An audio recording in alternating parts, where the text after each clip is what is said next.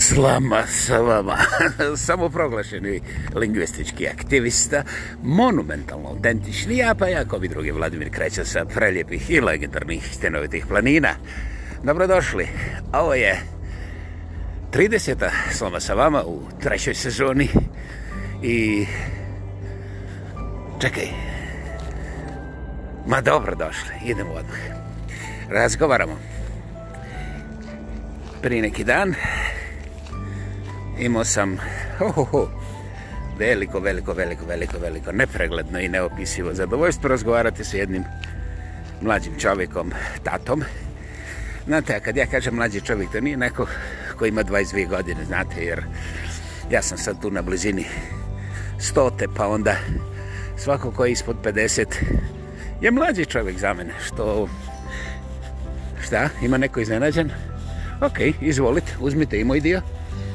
Dakle, razgovaramo i ja u neko doba, znaš, onako komentirajući ove što se svađaju tamo. Uf, uh, nažalost vidio sam i to i to ću malo komentirati.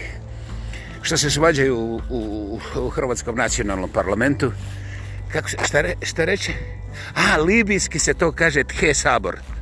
Okej. Okay jer neki ljudi ne razumiju šta je to nacionalni parlament, čak ni kad je Hrvatski, jer ne može. Ako je Hrvatski, onda mora biti Sabor.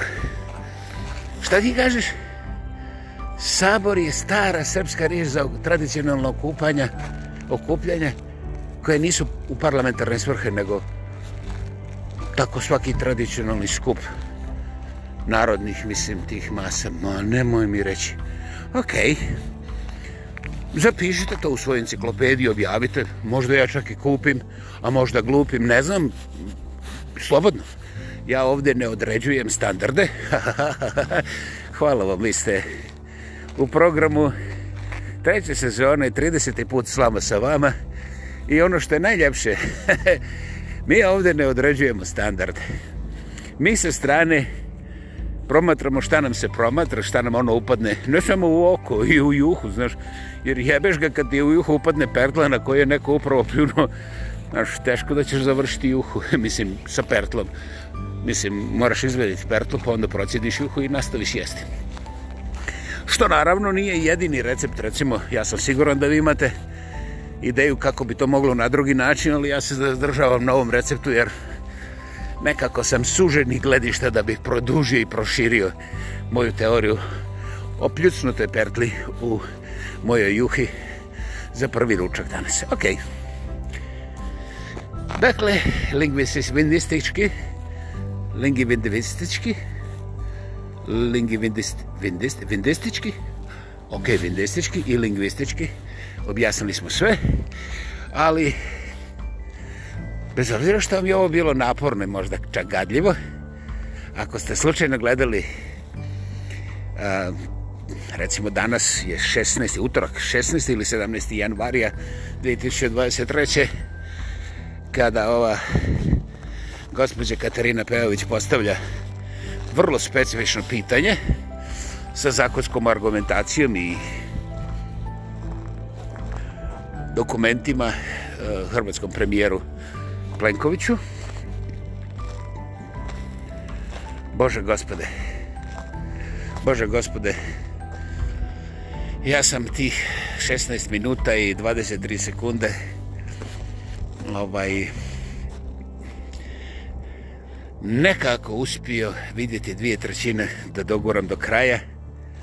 Mislim, jer nisam mogu vjerovati da u parlamentu ova pionirka jedne stranke napada ovu gospođu drugu i kaže da je ova gospođa druga ne samo državni dušmanin i tako dalje, nego ona je čak istukla svoga muža, razumiješ ti, mislim, znaš, i sad je počela i sva sreća ovaj deran što je kao šef tih parlamentarnih ovaj, debata, kaže, isteklo vam je vrijeme, znate, ovaj, a mi trebamo držati razinu nivoa, pa onda nemojte upetljavati te nedržavne poslove u državni teritoriji, mislim, jer u državnom parlamentu se ne raspravlja ovaj, kako bi se to reklo, o kuhinskim tim nekakvim aktivnostima bračnih parova, bilo kojih, na primjer. Nije bitno da li su oni samo srvorusno ljubni ili su jednostavno nisu HDZ-ovci. Mislim, to je jedna od mogućnosti, ali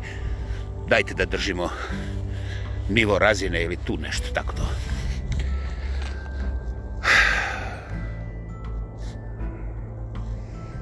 Nije. Ovaj, ja neću ići kao psihijatra poradi ovoga, jer mi je ovako dušmanski da vrijeđam čovjeka sa nekakvim sasvim proizvedenim ovim samoubistvom i zasjede. Ja mislim da samoubistvo ovoga zdravog razuma. Ne mislim tu pravo, krivo i te stvari. Mislim, to me ne zanima. Čak me ne zanima ko su, koji su lijevi, koji su desni. Jer, znaš, evo ti jedan primjer. Uh, poklizneš se, slučajno neko ostavi otvoren onaj poklopac od šahta i upadneš u kanalizaciju. Razumiješ? I sad ovo ovaj ti kažu, pa ne, znaš šta? Ovo ti nisu govna. Ovo je izmet. A on kaže, kako ismet? Nije ismet, nego Iran. I ovaj sad kaže, pa kako sam pogodio u Iran da upadnem u kanalizaciju? I ovaj...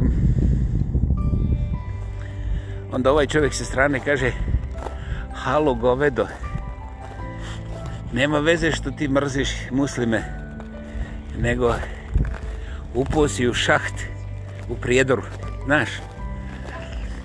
A tamo se nalaze tche govna također, isto kao fisis, na primjer, u Majamiju. Mislim, u prijedoru nema fisis zato što su govna. Eto, to ti je ta stravična razlika. A inače, zahvali Bogu što su prijede rupa u ovaj Hefisis, mislim, koja se u Majamiju zovu govna, ali se ne zovu zato što se zovu prijedor drugčije. Jer kada u Majamiju upadneš među Fisis, onda imaš konkurenciju. Najzbiljnije. Zovu se Tche Aligatorčići. I ovaj, oni mali, znaš da metar, metar ribu, koji imaju poprično dobre zube, jebote miši da mi nađem nekog njihovog zubara pa da imeni malo kljove popravi. Odmah bi, odmah, ne bi bito za cijenu. I ti aligatorčići sa tim ovaj vrlo, vrlo oštrim zubima, kad upadne, znači, od Hefisis u Majamiju, eto, sad sam sve pogodio, ovaj, oni te podsjete da, znaš, ne možeš ni u govnima da se opuštaš, e, nešto tako, znaš, ti meni nešto mirisi, konzistencije, znaš, pa količina, ne, ne, ne, ovde je, pitanje kože, ne, mi ne kožnih bolesti, kože, preživljavanje, preživljavanje, rođak. Eto, tako se to, ovaj, mislim, A ti možeš da se ne složiš i da onda tražiš repliku, 47-u, nema veze, može i 78-a. I ovaj, nastavi sretan put, ovaj, more nije daleko, pogotovo u Majamiju. Ovaj, da. Šta sam ti reći? Dakle, razgovoram sa tim čovcem, koji je istinski svjetski, koji eto, živi u tom jednom od najljepših gradića okolo Zagreba. I ovaj... Znaš, mandara mandara, meni je drago što vidim čovjeka, meni je drago što ga čujem i ovaj razgovaram. I u jednom momentu ja napravim kao repliku ovaj, Ma pusti mene, znaš, ja sam Starkelja, ja više nisam u igri. I on kaže, ma ne, moj čoveč, kako Starkelja, lijevo desno. Pa ja kažem, slušaj, imam tri frtalja od 100 godina i sad šta sam, pubertetlija. Mar, znaš, ali lijevo desno i, i znaš, ja kažem, pa dobro, sad ćemo promijeniti temu, ali prije toga ja ti moram reći, ovaj, na isti način, sa onima što sam razgovarao, što su mi lijepili naljepnice, četnik, početnik i te stvari. Ovaj, oni, mislim, ne baš ta gospoda, jeli, nego ti slični koji su naš okolo zaključivali, ovaj, sretnu me tako ovdje u Kravogradu i kažu ovoga, uh, nikako svi kao mladeć, lijevo, desno i tako dalje. Boga mi im nisam ništa tražio, ozbiljno. Nisam. Ali zbog nečega oni počnu razgovor, jesi živ?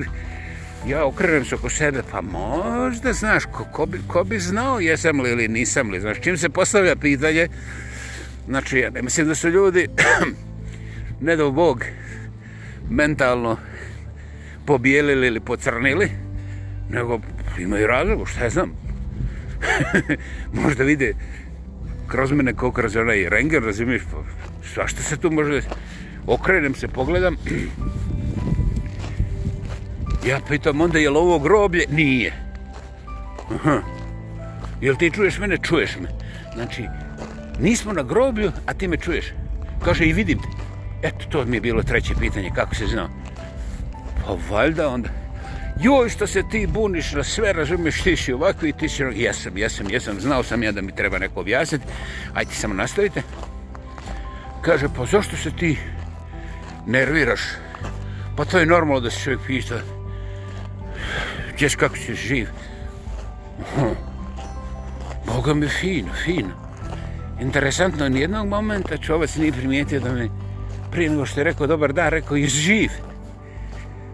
Pa po toj njegovoj logici ja sam rekao, jebo mater, ja, ja te nisam vidio dva dana. To na primjer iz mog sela. I sad da ja njemu kažem tako pred ovima, pred kojima se on stidi, što uopće mene vidi, ja mu kažem, jebo mater, vidio, razumiš, ili, ili šta ja znam da mu uradim onu, a, da, da, zvali su me Četnikom, pa da, to može jedna Četnik, Srpska, to je isto što i Četnička, pa da, pitajte ovu gospođu književnicu, ona to zna svaki srbin je četnik i to se ne može tu diskutirati. To, ako to književnica Šehidić kaže, to, to mora biti tako, razumiš. Ne može biti drugčije. Jer ona misli o budućnosti svoje djece koje će živjeti u Mislim, bit će pripremljeni da prepoznaju uvijek sva vrsta četničkoga, razumiješ, do ga izmeta, razumiješ, i to, jer to smrdi, čim se spomene, I to nema veze, ona počinje sa Bečom. I ovaj, ako ne odapne, stiće jednog dana i u svoju rodnu zenicu, ali eto, to je to. Ovaj, dakle, šta smo htjeli sa tim Srbima? Oni kaže, jebute, gdje si, jebute. Razumiješ, mislim, ja to baš i nisam koristio, ne sjećam se, morate me posjetiti. Ko ima takve dokaze, neka ih zadrži za sebe. Hello, Poppy. Ali, ovaj, eto, ovima što, što pitaju, jesam li ja živ, mislim, jer mi se srećemo, znaš, ja nisam u Beču, ja sam malo ovako tu prva uzbrojica lijevo iza krivine, pa onda preko plota i preskočiš jedva jedan Atlantik, nemaju dva, ne znam zbog čega, i ovo, ovaj, jer je to čista mono, monoteistička nekakva fiksacija od mene i čim si preskočio Atlantik, ja sam tu na kraju prerije, nema ni, kad dođeš do Halifaxa, još 100% manje od 5000 km. Ali Boga mi više od 4,5. Znaš, ono čisto da se ne, ne preračunaš. I tu kad dođeš kod mene, Bože moj, odmah počneš sa centralno-balkanskim promašenjima ili tako nećemo da li vam je naporna? Znate, a, ja sam vam zahvalan što ste ovdje svih tih godina. Evo, sad smo u trećoj godini i, i, i koncem augusta ćemo ući u četvrtu godinu ovoga podcasta, znači privatnog personalnog radija na internetu. Pa ovaj... A, a, čisto radi toga da primitim, jeste, jeste, mučno je ali znate, to mučno je spriječilo mnoge časne ljude da progovore i došli smo do toga danas da spašavamo demokraciju u Ukrajini koja nema ni teoretske, znate. A ako vi hoćete da govorite da sam ja odmah Putin, pa 100% ste u pravu, ja vam neću ništa reći, jer ovaj, mislim, čim neko kaže da griješe lijevi, on je automatski desni. To smo naučili. Gdje? Evo vam, na primjer, koji je zastrašujući, koji ja nisam barem 50 godina se usudio sebi reći. Razumiješ, jer strahote s kojim sam zasipan šta su radili, na primjer, gospoda Ustaši u drugom svjetskom ratu i čitao sam e, memoare njemačkih generala koji su bili u Zagrebu tih godina, jeli dok je Jasanovac i Gradiška stara ovaj, čekali Thompsona da ih opjeva. Znači, od tih njemačkih e, e, generala i nekih drugih koji su imali prilike biti ti, pa čak i Viktor Frankl je bio ovaj, u tom drugom svjetskom ratu tu u Zagrebu, ponad poradi nečeg, to je vrlo zanimljiv slučaj. A ovaj, ne, pardon, oprosite da nije Viktor Frankl. Gospodin također bečki psiholog, psihijatar, nisam siguran, jedno ili drugo, ali jedno, a, ovaj, Asberger. Asberger, jest. Jest, i on se šetao. Dakle, bilo je zanimljivog društva dole i koji su opisivali šta su vidjeli ovaj, od te brutalne krvološnosti po centralnoj Hrvatskoj u to doba. I oni to nisu opisivali političko-ideološki, nego vjerovali ili ne personalno, znate, kad čovjek vidi kako se brutalno ovaj recimo niko nije pokušao da odsječe svi jednu krmenadlu bez obzira da li u Iranu ili u Teheranu, razumiješ, mislim. Čak i u Banja Luci. Eno, pitajte ovoga dodirniga Milorad. Milorad. Milo radnoga dodirnite i pitajte ga i on ne bi, ma ni on ne bi nikad uzeo svinju i osjeko je jedan ili recimo dva ova krmenadla i onda pusti tu svinju da tako krvari po dvorištu, znaš, jer teško je dvorište oprati, nije, nije da se njemu gadi krv. A, na isti način, ovi su tu u bližoj, bližoj okolice Zagreba, pred očima ovaj, superiorne njemačke ovaj, vojne i svake druge sile, pokazivali kako oni znaju to da rade sa ljudima, svih uzrasta. Nisu oni čekali, znaš, da se to tovi, da raste, znaš, pa onda, znaš, kad bude, šta je znam, tu određenih godina. Ne, oni su bez diskriminacije, hoćeš dijete, mislim, hoćeš tek rođen, hoćeš trudnu ženu, nema problema. Oni to sve znaju, oni čak trudnu ženu prije nego što je prikolju, oni su mogli da joj ovaj, naprave taj takozvani carski rez, koji su radili obične seljačine ove ovaj, mesari, pa se zato nije zvao carski rez. I onda naravno da pristupe ovaj sjeckanju mame poslije što su ekstraktirili. Tako da su te slike dominirale prvih 50 godina moga života i slobodno me obtužiti. Zašto ne? Ovaj, da sam ja vjerovao priču o šta je znam koliko 100 miliona srpskih žrtava i tako dalje. Zahvaljujući tom trulom zapadu koji danas financira demokraciju Ukrajine, a zadnjih 50 godine financirao eliminaciju 60 miliona ljudi širom svijeta u ratovima koji nikad nisu stali, a sve u ime širenja, naravno čuli ste, demokracije i sloboda, pogledajte kako to sve funkcionira. Oni su opljaškali svoj vlastiti narod, ja, da, da, US rukovodstvo, sve ono koje se izmenjivalo, ne ovi koji su samo danas na vlasti, ima tu enciklopedija imena, a oni su opješkali svoj vlastiti narod, znači Amerikance koji šute, jer jebi ga, u svako dobar neko može otkriti, a ti si iz druge generacije, nisi ti pravi, ove, ovaj, ne možeš ti, i tako dalje, i tako dalje.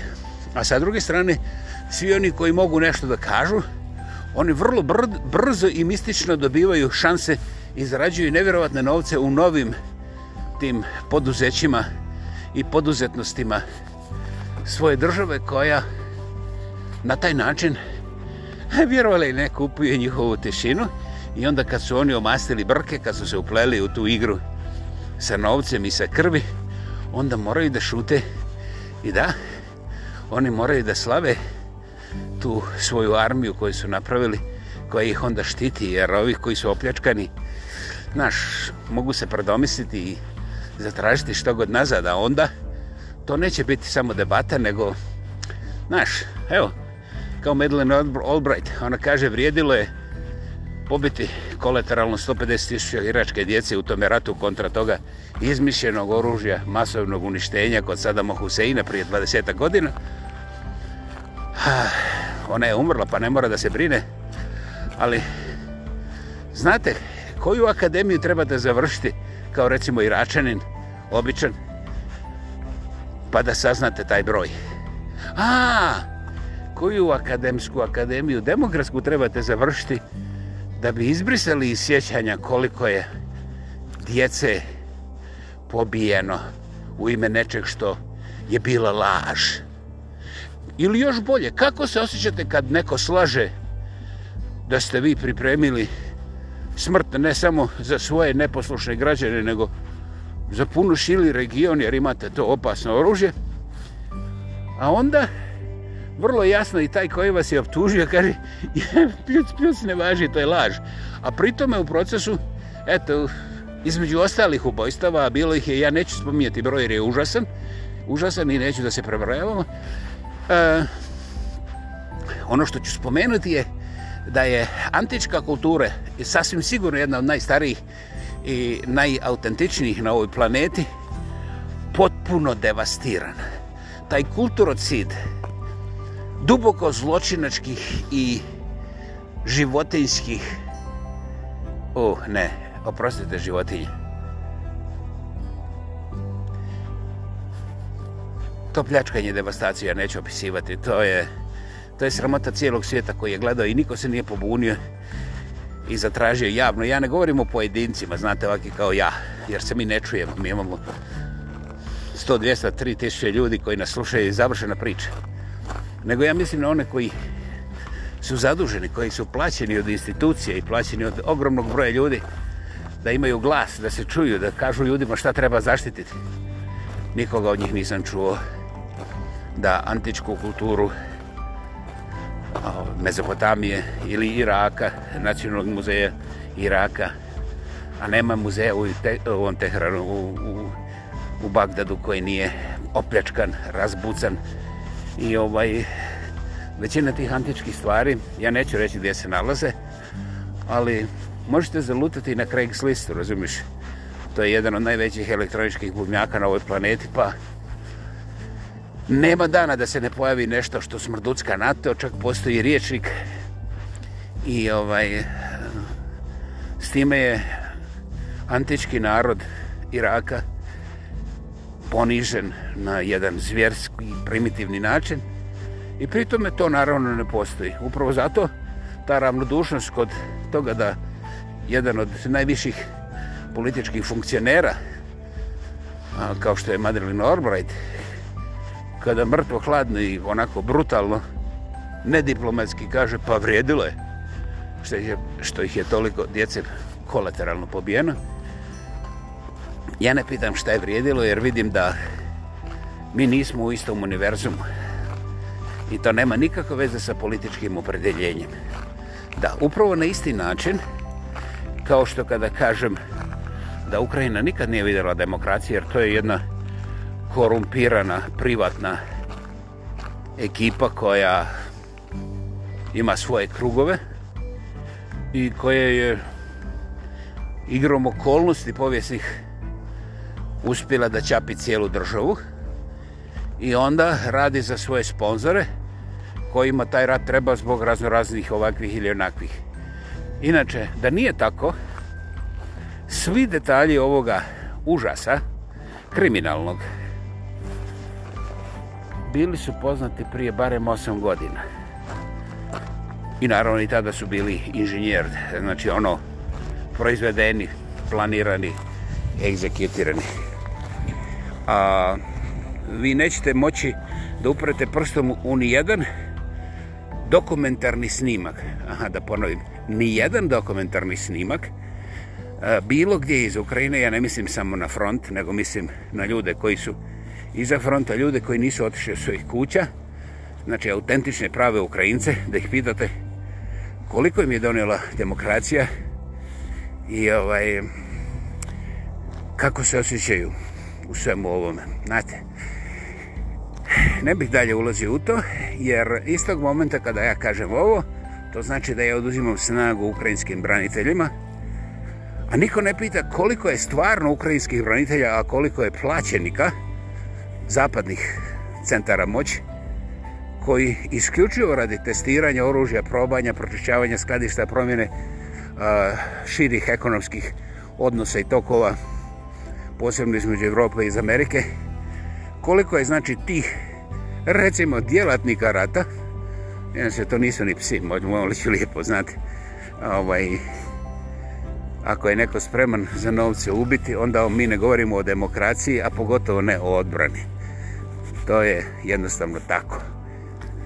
Da ne govorimo o bilo čemu drugom. I dakle, onda treba ušukati svakoga ko kaže kakve perverzije u prije rata službeno za najmanje zadnjih 20 godina prije početka ovoga rata sa Rusima Ukrajina je bila najkorumpiranija država u Evropi i jedna od najkorumpiranijih u svijetu. Gospodo moja, pa to nije naljepnica. Evo baš da se povežem na ovo u Zagrebu, što smo imali danas raspravu kada ova kaže Pejovićka ministru zašto prodajete našu obalu jer je suprotno hrvatskom ustavu da se obala prodaje zato što je ustavom zabranjena prodaja obale. Znači obale imaju pristup svi građani Hrvatske. Ne govori se o četnicima, njima je zabranjen ovaj pristup na svim načinima dok jednostavno ne dođu sa svojim Mercedesima iz Beča i onda se tu laškare i ne može ih niko dirati. Ali to nisu četnički četnici, to su turisti iz Austrije. Eto. Sada se tim turistima iz Austrije ministar Plenković preko Hrvatskog e, nacionalnog ustava a, naklonio sa novim zakonom o tim pomorskim dobrima gdje će u specijalnim slučajima, pa sa specijalnim volim, sa specijalnim volim, u stvari Hrvatsku obolu moći kupovati onaj ko plati cijenu koju traže ovi vla, iz vlasti. Znači, ono što je bio nacionalni princip ne postoji, od sad se prodaje i onda ova gospođa pita kako, zašto, jer to zahtjeva promjenu ustava, znate, čisto tehnički. A onda premijer se digne i kaže pogledajte vi šta smo mi uradili, šta ste vi uradili. Vi nas nazivate, e, znaš, mislim, inače sve što je on to recitirao, to je upravo ono što oni jesu, ali kad on kaže vi nas nazivate tako, onda to nije tako, nego je to ovako, zato što sam ja premijer. E, dobar dan, Kongo. A, a, pardon, Kongo, prostite. Kongo National, you know, a, idemo u Zimbabwe danas popodne. A, riječnik koji koriste gospoda je... Uuu, Ono što frapira je da u svim komentarima koje čitam ne vidim nigdje komentara koji nije na tom vrlo uskom polju lijevi, desni, znaš, ono, crni, bijeli, upaljeno, ugašeno, znaš, ne postoji variacija. I onda se javi još jedna ova drugarica da zaštiti premijera i kaže, ti si rusoljubka, ti si, ti, ti si srboljubka. Pa onda, I onda se javi ovaj kad je dobila šansu ponovo ta Peovićka koja je Srbuljovka i Rusuljovka i tukla svoga muža. I ona kaže direktno gospodinu Plenkoviću znate, vi ste uzeli novce od Rusa onda ovi, ovi vaši ministri su uzeli novce od Rusa onda otvarali ste sve dok nije došlo do ovog sukoba i sada odjednom vi napadate nas koji smo na sve to upozoravali, a nismo profitirali jedne jedine lipe. Može i kune, a može i breze, mislim, kako, kako god hoćeš, nisu dobili ni čačkovicu. To da vam ja prevodem na ovaj starolitvanijski jezik. I ovaj, ovaj već, taj koji generira eh, komentare, opomene i prekida, kaže, a isteklo vam je vrijeme odjednom. Ja gledam baš, imam taj naš tajmer ispod filma, ispod snimka. nije prošlo 6 sekundi. Mislim, nije mi jasno ni kako ona strpala toliko tih činjica u 6 sekundi, jer ona vjerovatno zna kojim se trikovima služi ova bagra, ali istovremeno mi nije jasno kako taj čovjek koji je eto house speaker, vjerovatno, ima tu funkciju da prekida, opominje i tako dalje, nije mi jasno kako sa tako ozbiljnim licem, kako ga nije sramota lagati pred kamerama, jer ipak a, ta snimka je javna i vidit će 12-13 ljudi koji nisu iz njegovog sokaka, znaš. Dakle, drugim riječima on kaže, koji vas jebe, ja sam vlast i ja mogu da pristupim ili da se ušetam i u nacionalnu banku i idem vam majku, razumiješ? Dakle, šta god vi mislite, pa mislite, Boranija, razumiješ? Razumiješ? još je Francek rekao to, stoko sitnog zuba, razumiš? Ne da budete glasni jer će, razumiš? I tako dalje, sretan put za Irsku. Jep. I onda se ja vratim ovome sugovorniku mome jučerašnjem. E, ovaj, isto tako kažem, jebate miš, upoznam jednog sjajnog, tako njegovog, još jako dolg s kojim razgovaram, Ja kažem, eno ga u Irskoj, u Dublinu, negde tamo na periferiji, okopava lokalne parkove, a inženjer je čoveč. I ovaj, ne samo da se ne žali, nego uživa, ima, ima fantastično ovaj, miro. Mislim, neće postati bogat, mislim, ono, zarađuje neku platu koja mu omogućava da ima stan, hranu, da uštedi, šta ja znam, možda čak 200 eura mjesečno. Znači, treba će mu otprilike Pa manje nego Egipćanima da naprave piramidu, da bi kupio svoj auto za gotovinu, ali njemu je važno. Šta mu je ono važno? Kaže mi ovaj, kaže stani, on nije otišao porade plaće, jer oni mogu možda vjerovatno vrlo sličnu ili istu plaću imati ovdje. Recimo šta je znam, ovaj iz Varaždine. Nego kaže, on je otišao zbog ovakvih koji nakon šest sekundi kažu isteklo je vrijeme za repliku. Mrtvo hladno je. I, i, i jedina stvar koju možda uradiš je da zašutiš, jer ovaj, završeno, nema dalje. Lakše je postati mrtav nego bilo šta razgovarati o tome, jer ovi su betonirani i postoji samo jedno mjerilo. Dakle, zato smo usmrtili, poslali u život toliko naših hrvatskih sinova, da danas Razumiješ? Više u Zagrebu nema jedno umlja.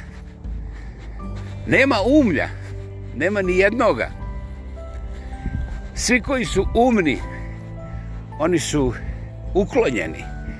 I to, naravno, ne ono klanje, to su shvatili u drugom svjetskom ratu, jer s tim klanjem, znaš, ono, moraš onda prati dvorište, krv okolo, pa te uprska, znaš, to je sve, znaš, pa onda, onda puknu cijevo, pa govno, pa je, Nije to za nas, mi smo gospoda. I eto, tu se vraćamo upravo na to što su ti generali pisali, kako sam ja to gledao ovo, na, taj, na tu epizodu iz drugog svjetskog rata, gdje su se Srbi, a boga mi i Četnici, a ne, to je ista stvar, znači Četnici, ok, da skratimo, Četnici, Četnici svih Rusa, dobro, ja sam tu, tu i tamo čuo čak i neke Hrvate i Muslivane i Albance, ali oni se ne računaju. Ne računaju se ni Hitlerovi generali, jer oni su Hitlerovi, oni nisu bili Antini i oni su sigurno radili, opisivali te zločine iz da napakoste napak Hrvatskoj, jer su, jer su im Hrvati naplasivali parking dole u Baškim vodama ili kad dođu na ljetovanje, pa onda da, sve, sve to, sve to nečija zavjera. Istovremeno, gospoda, uh, ne, ne, ne, srbo, četnici, uh, su, kako su četnici bili komunisti? Ma da, to jesu, 100%, pa to, to je dokaz. Oni su uh, svojim djecama u školi učili da je uh, eh, Ustriška ova ekipa za pročišćavanje rase i nacije uklonila što nožem, što bodežom, što ostalim sredstvima, razumiješ, uklanjanja ovih e, žohara. Ovaj, skoro dva miliona tih ovaj, srbića, razumiješ, četnikića i te stvari koje su se kretali, što ja znam, od kozara do prosara, gdje god, ne oveze, gdje god nađeš ti samo... I ovaj, i ne praviš sarbo, od njih to, to nije išlo, ali sve drugo može. I znači, recimo ja govorim u svoje ime, jer ja nisam političar, ja sam odgojen a, da i bio sam sa svojom školom dva ili tri puta u Jasenovcu i neću vam ponavljati te priče o detaljima kako miloga i radnoga dodirneš ovaj iz Banja Luke pa u Teheranu on u Banja Luci i sjeće samo dvije krmenadle od cijele svinje pa onda ostavi svinju da trči da se ugoji da bude malo više toga za kasnije. Ovde se desilo isto to. Ja nijednog momenta nisam posumnjao da se desio zločin, ali meni je već kao djetetu smetala brojka na tim žrtvama. A, ne zato što sam ja sumnjao da su oni, znaš, išli od jednog do jednog mrtvog, pa brojali, pa se možda zabrojali, šta ja znam. Taj dio mi nije pao na pamet, da, do, evo do danas. Nego...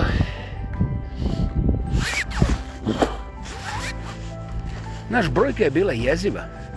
Znaš, kad uzem tu brojku, ovaj, uh, u vrijeme kad sam ješao u osnovnu školu, znači, tamo negdje, 70-84. Znači, to su oni završeni rad, razredi osnovne škole, kad se nešto učio o toj našoj revoluciji i povijesti historije. Ovaj, znači, uh, Jugoslavija od 70. do 84 po mojim proračunima, nije imala ni jedan jedini grad, pazi, znači od Ljubljane do Skopja, nije bilo ni jednog jedinog grada koji je službeno bio blizu milion stanovnika. Ponovit ću. Nikada u povijesti na području te nesretne bivše Jugoslavije nije bilo grada koji je službeno imao i potvrđeno, jel'i, milion stanovnika, a kamoli ne milion i jedan, još više. Nikada. A nama su ovi školski učbenici, ja govorim o osnovnoj školi, šta sam ja proživio, šta vi iste proživili to, slobodno napravite svoj podcast, pa potabarajte. Ja čak mogu i poslušati. A ovi su tamo napisali, znaš, kad sabereš Zagreb, Beograd i Sarajevo, u mojem učbeniku je stajalo da znači uzimate brojno stanje Zagreb, Beograd, Sarajevo i još je mogla stati Ljubljana. 1970. godine Jugoslavija. Provjerite, imate Google. Zašto vam to nije palo na pamet bez mene? I onda kad izračunate, znači ta četiri centralna grada jedne države od 20 miliona stanovnika nisu imale toliko stanovnika, znači ta četiri glavna grada 1970. godine, nisu imali toliko stanovnika koliko je prema mom osmoškolskom učbeniku pobila ta ustaška časna ovaj, i ponosna hrvatska perjanica za nezavisnost Hrvatske. Naš. I tu se već stvara kontrast, tu, se već, tu su već strasti proključali, eksplodirali i tako dalje, još će biti to, mi ćemo mamu i tatu i tako dalje, što je Pa prije nego što nastavite da eksplodirate, da ponovim. Broj stanovnika četiri glavna grada bivše i raspodne Jugoslavije 1970. godine, u bilo kojem periodu, da li u januaru, da li hoćete u, recimo, u Limburgu, Kolovozu, pa čak i augustu, znači bilo koji mjesec, nisu imali toliko stanovnika koliko je bilo broj poklatnih od strane ovih ustaških eksperata za klanje, sjeckanje i buduckanje u, recimo, samo jednom logoru koji se zvao Jasenovac. Tako je Jasenovac postao jedan od e, perpetualnih mitova koji su otišli daleko iza fiksacije, ali i bilo kakvog najprije mentalnog ekstremizma i ono što je najgore, ja to nisam, dok sam bio mlađi, čak ni primjećivo, taj Jasenovac je u stvari bio instrument kontrole vlasti. Dobro, ja znam da vi rištite šta su radili četnici komunista, ali znate, ima i danas dosta živih Hrvata koji su koristili taj mit. I to ne znači ništa, znaš. Kad ti ja kažem da ne ubija samo Putin, nego ubija i gospodin ovaj uh, koji je kao navodno demokrata, onda ja nisam rekao da je u redu što ubija Putin. Nego ja sam rekao, halo, ako ti gori iz lijeva iz desna, da li je onda važno da je ova vatra sa lijeva crna, a ova vatra sa e, lijeva, ne, sa desna je bijela. Kako god hoćeš odrediti, međutim, ima jedan problem i ne treba mi tvoje slaganje. Bez obzira na boju vatre, temperatura je zajebana, ja već sada nemam kisika. Dakle, ono za što se ja zalažem i borim je da najzad stoka primijeti da je jedna i druga vatra vatra i da inducira preveliku temperaturu koja je u, uvijek u suprotnosti sa mojim egzistencijalnim egzistiranjem. Znači, moj život je u pitanju a ne koju vatru ja više volim. Dakle, da li ćemo gašenjem jedne vatre ugasiti drugu? Pitanje je prilično blentava. Znate, jer e, čim završimo to moramo ići kući zapaliti vatru za pripremu večeru. Šta je s tim? A, to je dobro čudna vatra koje naravno nikad, nikad se nije desilo da je neko iz obične kuhinske dobroćutne vatre za večeru zapalio cijelu kuću, pa čak i svoju familiju. A da pritom ne mrzi familiju, ni zbog ljevičarskih, ni desičarskih okolnosti, a? Dakle, gospoda, vi živite u svijetu kompitar, imate u guzici Google, a ne možete koristiti elementarno otvaranje očiju. Znate, to je ono, ja vidim sve na tebi, do atoma, ali jebeš ga. Nije se nikad desilo da je neko vidio svoj jezik bez ogledala ili nečeg sličnog refleksivnog. Znači, niko od nas nije izravno uživo nikada vidio svoj vlastiti jezik, osim ako neće doći kod mene da mu ga ja osjećam pa dam mu ruk, onda će moći vidjeti to što je osjećeno. Dakle, gospodo, vi nećete da prihodite očigodno. Bože moj, zašto? Pa ne morate. Demokracija je čudo. I to je razlog zbog koga ja govorim kako vi zakopavate svoje djecu i unuke danas. Vi ste njima popločali sve za novi front, za novog Putina. Ja ne znam ko je novi Putin, ali dolazi sasvim sigurno, jer a, danas, evo ga utorak, 16, 17, jel? 17. januara 2023. Na najvećem hrvatskom portalu ima slika jedne zastrašujuće podmornice koja je bla bla bla bla koja ima ovaj nuklearno torpedo, kažu stotinjak puta jače sa glave bojeve glave jače nego one što je pala na Hirošimu koja je ubila skoro 200.000 ljudi u, u manje od minuta. Dakle, kakav je opis? Veliki naslov, Rusi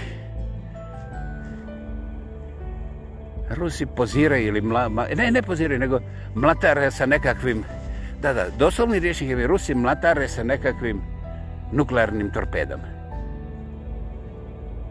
Wow! Wow, koja inteligencija. Taj koji je to potpisao, napisao, ovaj... Mislim, niti je, niti je na psihijatriji, niti je pijen i samim tim on je za mene ubojica svoga djeteta. Užas koji on priprema svom djetetu za 10-15 godina, ako ove nuklearke ne puknu sada, je nezamisliv. Je apsolutno nezamisliv. A vi sam mi zu, šta ja tu izigravam finoće? Pa ne, je, gospodo, ja ne izigravam finoće ali ako vi stanete ispred nečega što da li je sad 100 ili 155 puta moćniji od one bombice koje je prije 75-80 e, godina, koliko je u Hirošimi, 75 godina, krknula 200.000 ljudi u manje od minutu, pa onda ja prije svega sebe pitam, hej, nisam li ja preblizo? Znaš, ono, radi moje guze, jebe me se za te, znaš, neke generacije, nacije, politike i tako dalje. To je broj jedan, to se zove instinktivni respons. Znaš, ono, refleksivni odgovor, bang! Ovo je stvar koja može. A onda u nastavku ovaj piše kako Lusi da prodaju, preveličavaju i tako da. Pa jeste, Rusi imaju pizza, Rusi su glupi, Rusi su paraziti i tako dalje. Imaš li šta novo?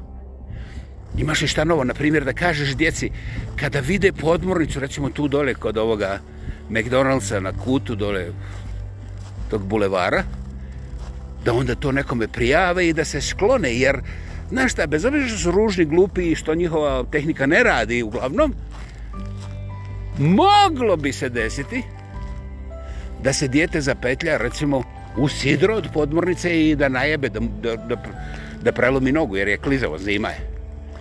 Dakle, gdje je to pitanje opreza? Znači, to je apsolutni disregard za moj vlastiti za moju vlastitu kožu. To je poruka sa tog naslova, to ja iščitavam. I zato kažem da zakopavate svoju djecu danas i vi ste najceničniji. I znate šta? Oni tobožni fašisti i jedni koljači iz Jasenovca, oni nisu imali pojma, ni o čemu. No, ja nisam rekao, ja njima dajem ispriku, no, ja njima ne mogu dati ništa. Razumiješ, čak ni prezir im ne dajem. Ja se pomolim Bogu za sebe, jer pojme nemam šta je moj život. Ali kad smo već tu, navod sam ovaj primjer usput da završim sa Jasenovcom. Jasenovac je koristen kao alat prepucavanja, napucavanja, opucavanja, preuzimanja i kontrole non stop. Ko je kriv? Krivi su čak i oni koji su nevine. I naravno ja o tome neću sada elaborirati, ali ću reći uh, okvir. Prije svega srpski narod je zlopotrebljen od svojih vlastitih vođa, u tom komunističkom periodu i sve se svelo na to da mi nikad nećemo zaboraviti da ćemo jer oni su oni oštre nožove i oni će jednog dana doći ponovo i slušaj došli su ponovo došli su ponovo i onda na tom istom a, ovome mitu ti čekaj stani malo to je, to je došlo onda 50 godina kasnije nije moguće da niko od tih koji su klali nije umro Ha? Znači, prizivanjem da će oni doći, došli su njihova djeca, došli su ovi kojima je sve to dosadilo i jednostavno su rekli od je baus. I onda su počeli da prosipaju svoju histeriju, jer naravno na balkonu, na, na balkonu Balkana su samo oni koji pišaju po crnčinama ispod, znaš, jer bili su glupi da idu u prater. Novi ovdje. I ovaj, desilo se to što se desilo. Gobljivo, da, da, da, da, dragi moji. I krvavo. Kao što vidite, danas Hrvatska ne poštuje svoje žrtve. Evo, u parlamentu ovo je primjer. U javnom životu koriste se riješnik koji je, koji je mentalno barem upitan. Um, Srbi se osjećaju uvređenim kad ja kažem da je uh, tragedija Jasenovca i zločin masovno zlopotrebljen i da jedan prosječan Srbin ne zna ni jednu drugu mantru nego pobili ste nas, pobili ste nas, pobili ste nas, vi ste svi ovakvi, vi ste svi onaki. Naravno, to je histerično i ovaj samozadovoljno trambuljanje Trla Baba Landa je prođe dan koja ne šteti ni jednog jedinog Srbina. Znate, kada djeci počnete u osnovnoj školi pričati kako su ih klali, vi tu djecu niste zaštitili, vi ste ih frustrirali, nema veze ako se živite u Latviji ili šta znam, u Novom Zelandu, ne znam, ja sam baš Fatuhiva, na primjer, to je jedan otok u, u Polineziji koji se meni strašno svidio. I oni vode računa da pred djecom određene stvari. A da, to je bilo u Ante... A da, to je ona da antropologija koja se nigdje kod nas ne uči. Znači nije ni lijeva ni desna politika, nego objektivno, razumiješ? Djecu ne učiš o noževima i kako se vade oči i kako se a, e, djeca bez anestezije ove, ovaj, vade iz stomaka ženi koja je još uvijek obučena, a trudna, jer to je jedini uvjet da je možeš rasići stomak. I sve te slike koje imaju za posljedicu, ne da su ta djeca uvijek kivna na one njihove koji su tako ovaj, krvoločni koljači, nego ta djeca su defektna i za tebe i za sebe i ta djeca kad budu odgajali svoju djecu će uvijek imati viška krvi i noževa. Rekli bi ovi koji se poznaju, koji poznaju bolje endokrinološki sistem, da će oni zauvijek biti natopljeni u kortizol, u, u tu supu kortizola, adrenalina, a nekontroliranog insulina i ovaj, manjka serotonina što će zalijevati s alkoholom i zauvijek će živjeti u mutnoj juhi nečega što uvijek posvađa i dušu i mozak za savremena i onda će reći o, moraš da budeš politički aktivan pa će se to razriješiti. O, moraš da ideš na front da pobiješ Ruse i onda ćemo biti svi u demokraciji. Znate, ja bih volio, ali tako ne radi. Ja bih rekao, morate da idete u pičku materinu pa ćete se roditi novi. Znate, koliko god zvuči kao logički po svemu ovome što prethodno rečeno, ne radi. I ne može tako raditi. Zašto? Zato što vi morate prihvatiti svoju odgovornost, otvoriti svoje oči i prestati da njačete o 100 miliona pobijenih Srba, jer e, jedan Srbin je po, e, ta, ta neka mama koja je tako raskasapljena, to je previše. To, to je, to je nezamisliv zločin koji e, jedan, jedan normalan dug, uh, um, duh i sluh, znači bilo koje vrste nacije, bilo koje vrste, nikad neće ne samo prihvatiti, nego nikada neće pokušati zamisliti. Zato što je mater sa djetetom svetinja. Čak i kod onih cigana koji vam se ne sviđe, znate, jer to, to je i dalje mater. Ako su cigani, oni nisu vukodlaci. Mhm. Eto ga. Dakle, mi smo odgojeni kao, kao ovaj, fašističke jednostrane a, samozaljubljene svinje koje naravno uvijek vide problem u drugima i to nikad nije bio problem za nas. Zato je onoj gospođi koja je baka dosadno u Beču pa traži četnike na dalekom zapadu, a Boga mi, kod nje i u Beču i u ovome njenoj zenice se četnici šeću kako god hoćeš. Evo ove četnike koje dobiva ovaj, u servisu tamo gdje radi u Beču, kojima daje bečke novce, ona se ne usuđi ništa reći kosu. Naš, jer oni su previše blizu, moglo bi se desiti da razumiju. Uh, eto, dragi moji, to su, to su neke sitnice. Ja sam stvarno, stvarno otišao predlago. Ja ne znam kad sam uh, govorio više.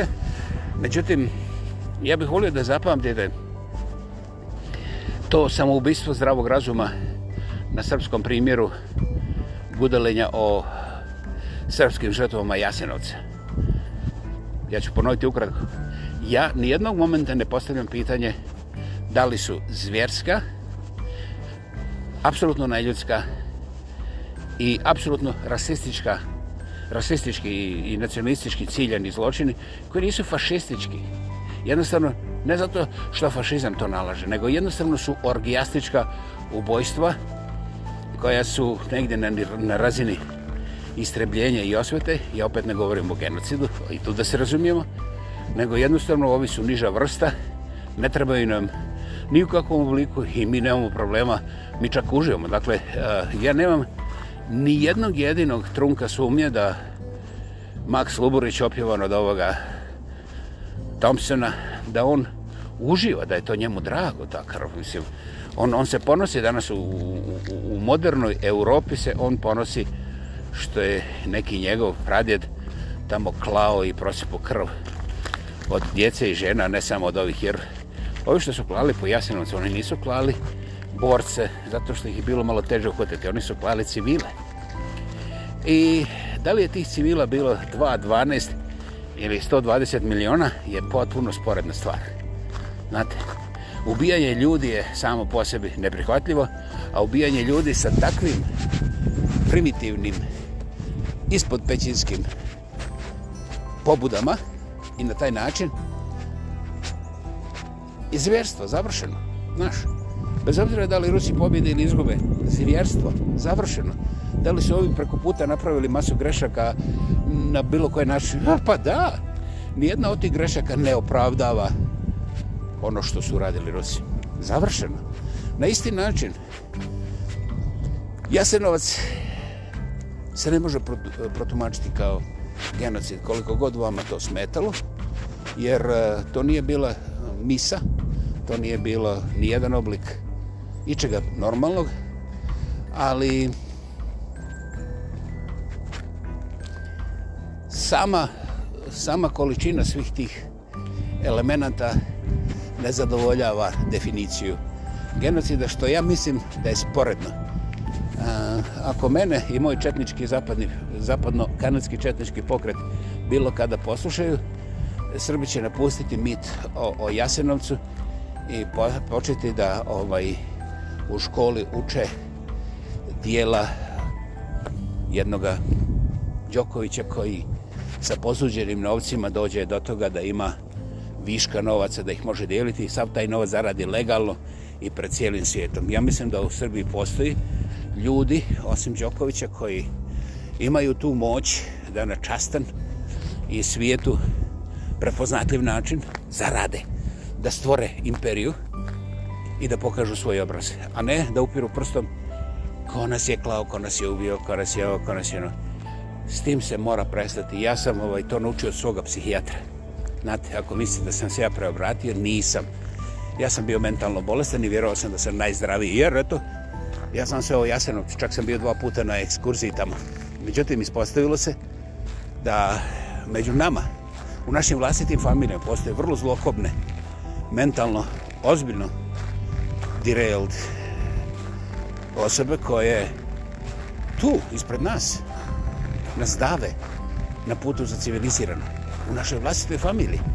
Dakle, ako ste vi imate čistokrvnu hadezevsku krv, to ne dokazuje ništa. Znate?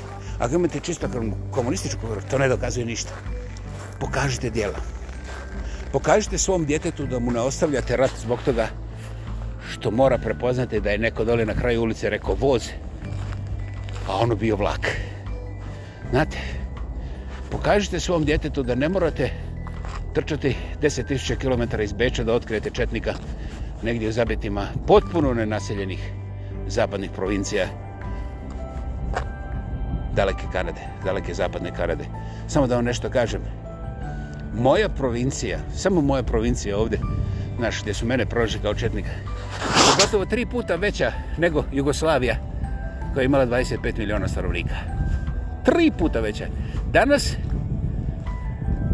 ta provincija koja je, recimo, znači, od Hrvatske veća barem nekih 20 puta, ima manje stanovnika od Hrvatske i 80% stanovnika, u stvari 83, 83% stanovnika su u dva grada. A? Šta kažete o tome? I ovi dođu iz Beča, koji ima gotovo isto stanovnika kao ta moja ogromna provincija, i otkriju da sam ja četnik. Jebote, koji istraživački rad? Šta misliš šta je ta baka mogla da učini za svoje unuke da nije otkrivala četnika na kraju planete? A pritom je školovana da razumije koja ipak neće živjeti 178 godine, ja mislim da ona će živjeti negdje oko 176 i 12 i pol mjeseci. No, to su detalje, nemojte reći. Znači, ona je apsolutni um, apsolutni sudac. Jer recimo da sam ja na njeno mjesto otkrio u tako nekoj uvokojebini na kraju svijeta da je neko četnik, početnik ili šta ja znam, možda, možda početnik, hoće da čika, ja bih onda rekao, uuuu, sad je vrijeme, vidiš, govorio sam previše, idem na kavu. Eto, i to ću upravo raditi. Dragi moji, ja, se, ja sam učinio sve da vam na što lakši i probavljiviji način predstavim e, zapravo anatomiju jedne mitologije koja nije samo krvava kao jasenovac, nego je još krvavija i progresivno raste, nažalost i ovako, upravo u ovim momentima dok mi razgovaramo. Znate, vi pojma nemate šta se deša u Ukrajini, koliko god vam pričali ovi da znate, ne znate. E, mi smo čuli nevjerovatne brojke, zaboravite, e, to je propaganda, čija? Pa čija god hoćeš. E, ko je išao u rat govoreći istinu? Uzmite to. I razmislite, djeca oko vas su anđeli koji nisu zagađeni sa svim ovim glupostima i ako im vi počnete danas dijeliti mozgove na lijeve i desne, znaš, na nacionalne i kontranacionalne, a vaše kosti će biti ekshumirane. Ne zaboravite. I to od vaše vlastite djece. Zašto djeci ostavljate put u budućnost posud srčom vašeg slomljenog stakla, vaših nekontroliranih pijanstava ili zabluda? Postavite sebi ozbiljno pitanje, jer to su ona pitanje koja nijedan parlament, pa čak ni sabor, hrvatski, ali ne vezi što je to srpska riječ. Vidiš, četnička posla. Ovaj, dakle, imate ozbiljan posao rade, rada na sebi. Otkud je to meni palo na pamet? Pa ja sam to cijelog života slušao i mislio sam da ljudi klopuću, klopuću i tako dalje. I ja sam uvijek govorio, aha, i ovaj, onda mi se desilo da mi je od srca otpalo najdraže što sam ikad vidio i sreo u životu, moja supruga. I ona je od mene rekla, možeš učiniti sve, odi kući, odmori se, prošetaj našeg čuku Đoniku i pobrini se o svome zdravlju, nemoj odostati, idi, idi kod ovog svoga psihijatra. I pošto je umirala, ja nisam komentirao A kad je više nije bilo, to, to su bili zadnje riječi koje sam ja čuo, pa onda svaki put kad odem psihijatra ja se sjetim da sam uradio nešto što mi ona rekla da uradim. Da, da, vi se možete smijati jer ja sam kao vi uvijek razmišljao da ljudi koji idu kao psihijatra da je to škart i da to treba pustiti vodu, mislim ako si, ako si ovako generous, ako si milosrdan, a inače udariš ciglom u glavu i pustiš nizvodu, razumiš? Ja, ja, ja, to sam bio ja, tako da, tako da se ne čujete, otkud ja razumijem koljače, paljače i ove druge histerične branioce neodbranivog.